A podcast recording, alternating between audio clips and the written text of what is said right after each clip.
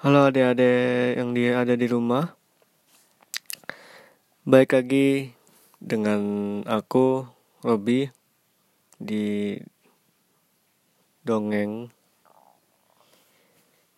Sekarang aku akan membacakan dongeng yang berjudul Menanam Bibit Pohon Sengon.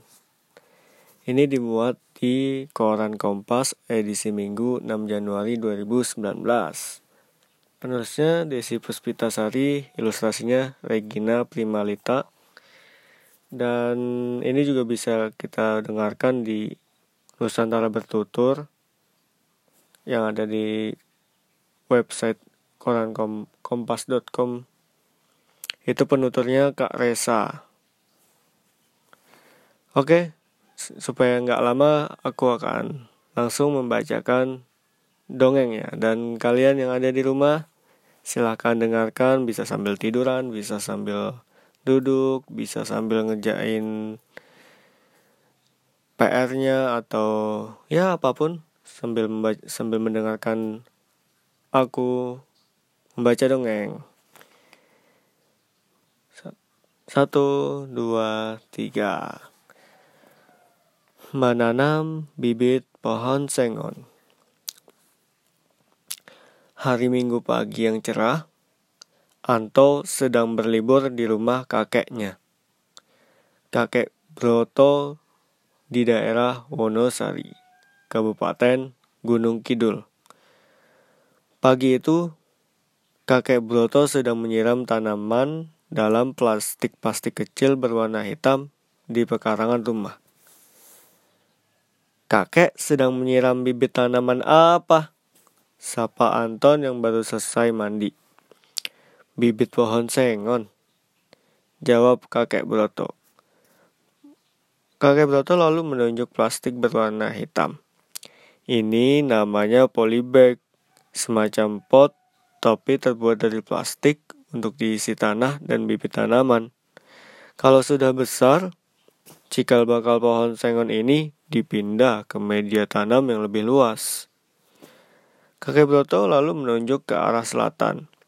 Terlihat hamparan hutan buatan dengan pohon-pohon tinggi menjulang. Daun-daunnya rimbun. Pohon yang kecil ini nanti akan tumbuh menjadi pohon yang besar di hutan itu. Jelas kakek Broto. Kenapa harus menanam pohon yang baru, kek? Tanya Anto. Kayu sengon biasa dimanfaatkan untuk membuat peti, perahu, rumah, dan jembatan. Untuk menggantikan pohon sengon yang akan dimanfaatkan, perlu menanam pohon yang baru untuk tetap menjaga hutan kita. Papar kakek Broto. Karena hutan yang gundul akan berakibat tidak baik. Apa dampak buruknya, kek? Hutan yang tidak kita jaga kelestariannya akan rusak. Dampak negatif kerusakan hutan adalah lain terjadi banjir dan tanah longsor pada musim hujan, kekeringan pada musim kemarau, rusaknya lapisan ozon, dan punahnya beberapa kekayaan flora dan fauna khas Indonesia. Papar kakek Broto. Anto manggut-manggut. Pohon boleh ditebang bila umur sudah pas. Diameter lingkar pohon sudah sesuai peraturan. Karena itu, kita harus terus mempersiapkan pohon-pohon baru untuk menggantikan pohon-pohon yang ditebang demi mencegah hutan yang gundul. Hutan yang rimbun dan hijau jadi tempat tinggal beraneka macam marga satwa ya kek. Tanya Anto. Betul cucuku. Sebagai tempat tinggal berbagai macam hewan adalah salah satu fungsi penting hutan. Fungsi yang lainnya adalah menjaga persediaan air dalam tanah, menjaga keanekaragaman hayati. Hutan juga punya nilai ekonomi bila dikelola dengan benar. Seperti pohon sengon saat sudah tumbuh besar ya kek. Kakek Broto mengangguk. Kita perlu menjaga hutan dengan cara melakukan reboisasi, yaitu menanami kembali hutan yang sudah terlanjur gundul. Tujuannya, hutan kembali menghijau. Ternyata, menjaga hutan itu penting ya, kek. Betul sekali Anto. Yuk, bantu kakek menyiram bibit sengon ini. Lalu, setelah itu kita sarapan. Ajak kakek. Anto lalu mengambil alat penyiram tanaman dan membantu kakeknya menyiram, menyirami bibit pohon sengon satu persatu. Ya, udah selesai pembacaan dongengnya teman-teman. Gimana teman-teman? Jadi ini ceritanya tentang An Anto dan kakeknya yang kakeknya ini sedang menanam bibit pohon sengon. Dan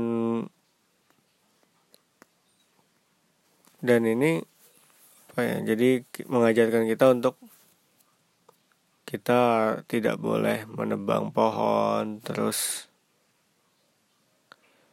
kita harus merawat alam kita ini supaya tetap hijau dan dan minimal kita bisa menanam pohon misal dekat rumah atau dekat atau di hutan kita nggak nggak nanti kalau udah besar nggak nggak menebang pohon atau kalau ada hutan yang gundul kita coba untuk bergerak walau sedikit kita tanami pohon hutannya itu oke okay. Itu tadi pembacaan dongeng aku. Selanjutnya jangan lupa kalau misalkan kalian mau diskusi, kalau kalian mendengarkan ini di SoundCloud, kalian bisa komen dan main Fadli Lobby out. Have a nice day.